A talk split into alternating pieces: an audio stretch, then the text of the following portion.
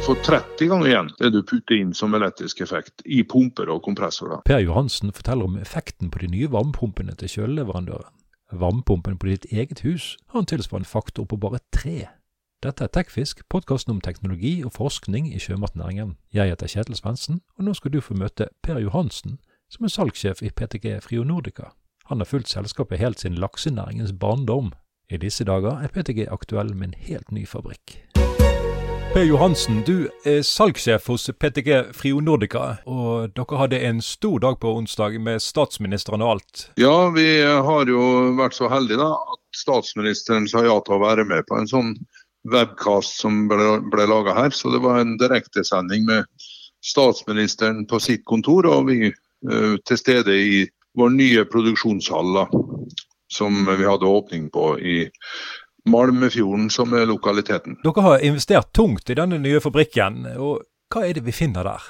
Det er investert uh, Ja, den, den, fabrikken er opprinnelig bare Den var bygd i 2011, så det er en ganske ny fabrikk.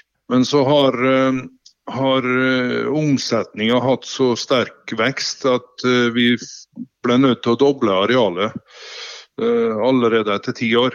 Så Derfor har vi da hatt åpning av en ny del av fabrikken nå. da. Men har, det har gitt oss over dobbelt så stor kapasitet som vi hadde før. Og Målet er å øke vår egenproduksjon, for det har nok kanskje litt tilfeldig blitt sånn at vi produserer veldig mye sjøl. Altså, vi kjøper inn lite av det vi har på paletten. Vi har en ganske stor andel egenproduksjon. Ja, og Der har du jo allerede investert i et maskineringssenter. Hva, hva finner vi der? Ja, CNC-maskinering er vi helt avhengig av. Vi har tre sånne CNC-maskineringssenter der vi, der vi maskinerer de delene som inngår i våre titanvarmevekslere. Og titanvarmevekslere er hovedproduktet vårt, eller den viktigste byggeklossen vår. Som ligger i bunnen da, for produktspekteret. Og så har dere satset på robotisering? Ja, nå, vi, det er jo egentlig kommet som en uh, nødvendighet. Fordi at uh, det er så vanskelig å skaffe sveisere. Og i Norge så finnes det nesten eh, ikke sveisere å få tak i. Så det går på veldig mye polakker da, i produksjon. Så vi har en stor andel med polske eh, sveisere da, i eh, aktivitet. Så der eh, håper vi at vi ved hjelp av robot kan eh, få mye bedre kapasitet fremover. da. Virksomheten i Malmefjorden det er kjernen i det som tidligere het Frio Nordica. Og Der har du vært sentral i nesten 40 år. Ja, det, det stemmer. Det, Frio Nordica, det, før det igjen så heter det Aquaterm. Men eh, eh, det er jo det som er den historien for eh, titanvarmevekslere og varmepumper. Da. Det kommer ifra den ja, fra Molde, fra Bolsnes verft opprinnelig, men det har vært en historie med Bolsnes verft, Akvaterm, Frio Nordica og nå endelig da PTG. Så Det er jo da en historie av uh, at du har funnet nye allianser og, og blitt større. Og, og, det har jo vært en gledelig utvikling, kan du si. da. Hvordan så teknologien ut i 1983? Det har jo skjedd mye siden den tid? Det har skjedd veldig mye. Det, det viktigste endringa er jo arbeidsmediet, altså kuldemediet som vi bruker. Den tida så hadde vi eh, et syntetisk medium som heter R22. Som, eh, ja, det er en sånn hydrokarbon. da. Men den eh, er ikke særlig snill med miljøet, så den er jo fasa ut for lenge siden. Så ca. i 1990 så gikk vi over på naturlige kuldemedier, som da i hovedsak er ammoniakk. Så vi bruker nå ammoniakk i ja, 90% av uh, våre applikasjoner. og Ammoniakk er et veldig godt kuldemedium. Det er effektivt og det er miljøvennlig. og Det har bare en ulempe, og det er at det er um, giftig. Derfor så må det bygges med ja, høy kvalitet på anleggene og stor uh, grad av sikkerhetstiltak da, rundt anleggene. De siste årene har jo CO2 også for alvor kommet inn i bildet? Ja, vi bygger også CO2-anlegg. Og vi har uh, ja, en egen range av CO2-anlegg. Og Det er kommet inn egentlig fra et miljø i Tromsø, PTG-miljø i Tromsø. Det er de som står for uh, CO2-satsinga. Men CO2 er også et naturlig kuldemedium. og derfor aktuelt å bruke nå, da. Til å erstatte alle disse syntetiske mediene, som stort sett alle er skadelige for miljøet. Ammoniakk og CO2, hva egenskap er det som skiller de som kjølemedie? Ja, det, det er en, en, parameter som skiller det ganske klart. og Det er det at uh, ammoniakk uh, har et uh, høyeste trykk, eller testtrykk, eller designtrykk kan vi kalle det, på 22 bar. Og CO2 har et, et designtrykk på 100 bar. Så det er trykket som gjør at det er stor forskjell på de mediene. Um, og der er det da sånn at eh, CO2 eh, stiller krav, ekstra krav til anleggene som bygges, fordi at det må tåle et mye høyere trykk. Men CO2 har jo da den fordelen at det ikke er ikke direkte i alle fall giftig. Det er klart det fortrenger luft, og dermed så er det jo giftig. Men uh, det, det, er ikke så strenge sikkerhetskrav som det er med ammoniakk. For uh, der er det litt uh, strengere sikkerhetskrav enn med CO2. da. Derfor så brukes CO2 bl.a. i butikkjøring og, ja. og, sånne applikasjoner. da. Ja, og det, er jo en annen avdeling hos eh, PTG som jobber spesielt mot butikk. Ja, og der har det fått stort gjennomslag. Så i butikkjøling så er faktisk CO2 uh, dominerende. Hvordan fungerer en varmepumpe? Ja, det, det, består i at du har et fordampende og et kondenserende medium. Altså Du fordamper et kuldemedium. Du har væske som fordampes i en fordamper. Og så komprimeres den samme gassen da, som kommer ut av eh, fordampningen. Den komprimeres, og dermed så kan den kondensere ved en høyere temperatur enn fordampningen. Og Da får du en temperaturskilnad, sånn at du tar opp varme med en lav temperatur. Og så avgir du varme ved en høy temperatur. Og Det er akkurat det samme som et kjøleanlegg. Så ethvert kjøleanlegg er også en varmepumpe. Ja, for det fungerer begge veier? Den eh, pumper varme fra et kaldt sted og avgir på et varmt sted. Ja. Og Det samme gjør både en varmepumpe og et kjøleanlegg, så det er akkurat det samme. I Frio Nordica så har dere alltid rettet dere mot fisk, og dere har sett laksebransjens eventyrlige vekst som leverandør. Nei, Laksebransjen har uh, hele veien vært uh, veldig viktig for oss. Vi var den første som bygde varmepumpe til anvendelse på laks. Og Det var da i ca. 1980. Uh, og siden så har vi bygd et stort antall, jeg tror det er nærmere 500 varmepumpeanlegg som er installert på på lakseanlegg rundt omkring. Ehm, det gjelder både i Norge og i utlandet. Så laksenæringa eh, har vært helt sentral for oss. Og vi har vært med fra ei ung, ung og umoden laksenæring og frem til det som i dag fremstår som en profesjonell industri.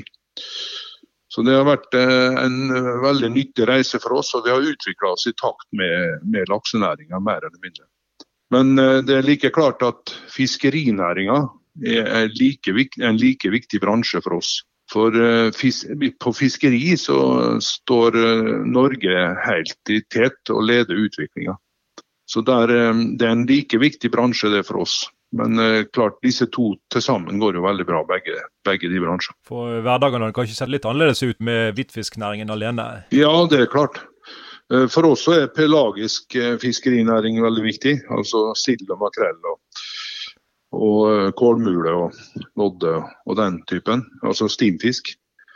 Den er nok den som tar det største volumet for vår del. Men vi også, bygger også anlegg for hvitfisk. I dag er det stor oppmerksomhet rundt miljø, og det fikk jo særlig kjølebransjen merke. Og du var jo der da det stormet som verst på slutten av 80-tallet. Det stemmer det. Det var jo ganske dramatiske endringer i, i kjølebransjen den gangen. Og Det var det, da, da særlig dette med endring av arbeidsmedier som er, har vært sentralt. Og Vi fikk også eh, lære at vi måtte ta i bruk andre materialer i våre anlegg. Så Det, det var da vi innførte eh, titan som eh, materiale i våre varmevekstere. Hva er grunnen til det? Det er sånn at Vi brukte sjøvannsbestandige kobberlegeringer i gamle dager. Og Kobberlegeringer eh, kunne brukes når vi brukte freon, altså disse syntetiske hydrokarbonmediene. Ja. Da kunne vi bruke kobberlegeringer. Og Det er jo mange tradisjonelle kobberlegeringer som brukes i skipsindustrien. F.eks. propellene er jo laga av en bronselegering. Eh, også kjølevannsrør var veldig mye brukt med, med bronse eller kobberlegeringer da, i gamle dager. Ja. Men eh, med ammoniakk så kan du ikke bruke kobber, for ammoniakken han, eh, han tærer på kobberen. Så da måtte vi eh, rett og slett redesigne hele varmevekslerrangen vår. Vi måtte over på et nytt materiale, og heldigvis, lykkeligvis, så valgte vi titan. Og det har vært et veldig lykkelig valg, fordi at titan er fullstendig immun mot korrosjon. Jeg vil påstå det er det eneste metallet som er helt immunt mot sjøvannskorrosjon. ja. Og der var vi, vi var først ute da og lage titanvarmevekslere i, i kjølebransjen. Så det har vi siden holdt på. Dessuten så lager vi en veldig viktig forbindelse mellom røra i rørveksleren og rørplata. da, Der vi, der vi eh, både ekspanderer og sveiser røret inn i rørplata. Og Da fikk vi en veldig eh, god forbindelse som vi har brukt siden og fortsatt bruker, og det gir vi ti års garanti på. Så en veldig god eh, forbindelse, og det er et meget viktig punkt i vår utvikling. At våre anlegg har meget høy kvalitet. Så det er et av våre slagord når det gjelder bærekraft, at vi bygger anlegg med høy kvalitet og lang levetid. I 2018 så ble dere en del av PTG sammen med Kjøleservice eh, Helgeland. Hva innebar det for dere i Malmefjorden? Ja, først og fremst så eh, fikk vi da nye eiere. Og det var viktig for at uh, vi kunne gjøre den satsinga som vi nå har gjort, uh, med investeringer på ja, både på kapasitet og, og på videreutvikling av produksjonsprosessen. Så det, det, var veldig viktig at vi kunne få inn kapitalmuskler og vilje til å satse på produksjon i Norge. Og um, det har vært avgjørende for at vi gamle eierne i Frio Nordica da, var villige til å gå inn sammen med den nye eieren. Så det har vært eh, foreløpig en eh, positiv utvikling for oss at vi får in, eiere som er villige til å investere i produksjon her. Det finnes jo ellers nok eksempel på produksjon i Norge som er flytta ut til lavkostland, og mange eksempel på at ting blir ødelagt av gode norske produkter eh, forsvinner. Så Det har vært litt viktig, særlig for meg, da, som har hatt som mål i, i livet å skape norske produkter. Da dere gikk inn i PTG, så hadde dere allerede en avdeling i Grimstad og et datterselskap i Kile. Hva betyr eh, det utenlandske markedet for dere? Det er en gammel eh, lærdom som vi fikk av en far til en kollega, en som heter Finn Samuelsen. Han kom opp til oss i Molde i en dårlig periode og kom inn i, i bedriften vår eh, eh, som eh, eier. Og han gamle Finn der, han sa til meg at du er nødt til å satse på eksport. Og Det kan hende du taper penger på det, og det kan hende det tar lang tid, men du er nødt til å ha eksport. Fordi at alle næringer er sykliske, og da må du ha flere markeder å basere det på. Og Det var den direkte årsak til at vi engasjerte oss i Chile. Vi begynte med Chile da, etter det rådet vi fikk fra han Samuelsen. Og han Sønnen til han eh, Finn Samuelsen, altså til Per Samuelsen, vi to har gått sammen på NTH på kuldeteknikk som hovedfag. Og det, vi sammen, vi gikk da sammen i 1990 omtrent. Og da starta vi satsinga på eksport. da. Og Dermed så kom Chile og det avdelingskontoret Chile. For Chile er et stort marked uh, i og med at det er et speilbilde av Norge. Det er både fiskeri og laks i Chile. Og Derfor så havna vi i Chile. Og der har vi eget selskap da, som, uh, som driver med salg og service. Det er stor etterspørsel etter det dere leverer. Hva er grunnen til det, tror du? Det er kanskje to ting i hovedsak. Da. Det ene er at vi har fått et produkt som uh, har vist seg konkurransekraftig. Eh, vi har eh, produksjon i Norge som gjør at vi er fleksible og har eh, korte leveringstider. Samtidig så hadde vi litt hell med at krone- eller valutakursen utvikla seg sånn som den gjorde. Så det har vært en hjelp. Men vi har fått øka markedsandel på fiskebåt, samtidig som at vi har greid å ta brønnbåtmarkedet. For brønnbåtmarkedet har vært eh, veldig stort de siste åra, og det er fortsatt et stort volum. Og der har vi tatt en stor andel. Da. stor markedsandel. Så det, det, er en kombinasjon av litt hell med valuta og at vi har et produkt som har kommet uh, til sin rett, da, som uh, står veldig sterkt sånn som det er nå. Samtidig med åpningen av fabrikken, så kunne dere røpe en storavtale med et selskap i Ålesund? Ja, der skal vi levere store varmepumper. og de er, da, de er faktisk dobbelt så store som det største anlegget vi produserer i dag. Så Vi snakker her om en økning fra ca. 3 megawatt varmeytelse til 6 megawatt varmeytelse. Så det, det er et, eh, vi må, vi må designe eh, i større skala nå. da. Vi må lage større enheter. Så eh, når den største varmepumpa vi har i dag veier ca. 9 tonn, så blir den nye varmepumpa som vi skal levere seks av nå i første trinn, den blir da 20 tonn. Yes. Så det er en kraftig økning.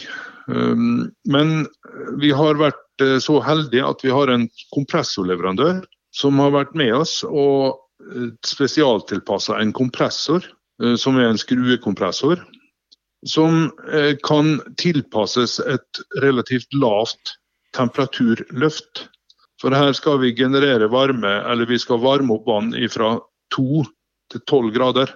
Altså det er et veldig lite løft. Ja. Og, det er jo ikke sånn som når du skal varme opp eh, et uh, fjernvarmeanlegg f.eks. Da må du opp på en temperatur på kanskje 60-70 grader, men her skal vi bare opp i 12.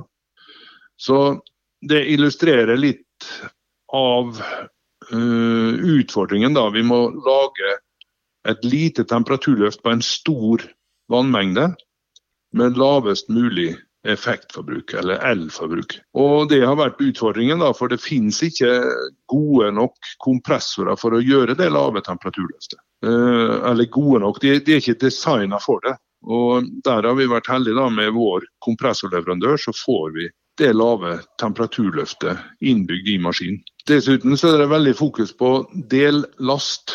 Fordi at uh, disse store varmepumpene her, de skal gå på delast for den største delen av driftstida. De skal ikke gå på fullt, de skal gå på delast, la vi si mellom uh, 30% av maksytelse og opp imot 100 da. I det området skal disse her operere. Og Da er det viktig å få til en regulering av ytelsen uten for store tap. Og Der eh, er det kommet inn ny teknologi med at vi har turtallsregulering. Vi bruker altså frekvensomformere til å turtallsregulere. Og den samme kompressoren som vi snakka om i sted, er da nå utvikla for å kunne gå helt ned på 800 omdreininger. Altså de regulerer fra 3000 omdreininger helt ned på 800 omdreininger. Og Det er et veldig stort og fint reguleringsområde på turtall som ikke er vanlig på andre maskiner. De andre de må stoppe kanskje på en 1500 omdreininger. Så der har vi en stor eh, fordel da, med at vi kan turtallsregulere til et veldig lavt turtall. Disse varmepumpene som eh, dere skal levere til Atec eh, Aqua, la oss si dere investerer 1 kilowatt inn i disse her. Hvor mye kan dere hente ut i effekt? Ja, altså Hvis du ser på varmepumpa isolert, så er det ca. 13 ja, noen ganger over 13, men eh, på deler så blir det kanskje opp i 15. Du får igjen en 13 ganger, hvis vi holder oss til tall her, da.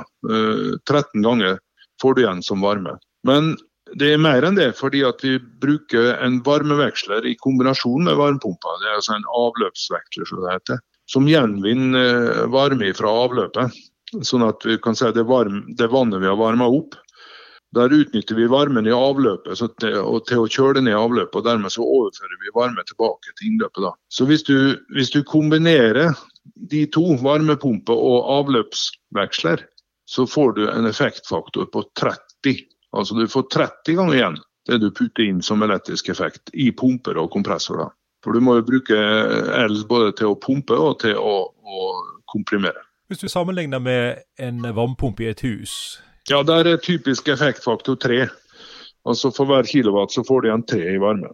Det er typisk for husoppvarming. Eh, alt dette er jo avhengig av temperaturgrensene, da, kan du si. Men eh, det er lavt temperaturløft her som gjør at vi kan ha en høy effektfaktor. Du kan høre mer på Tekfisk, som du finner på Spotify, iTunes eller der du liker å høre på podkast.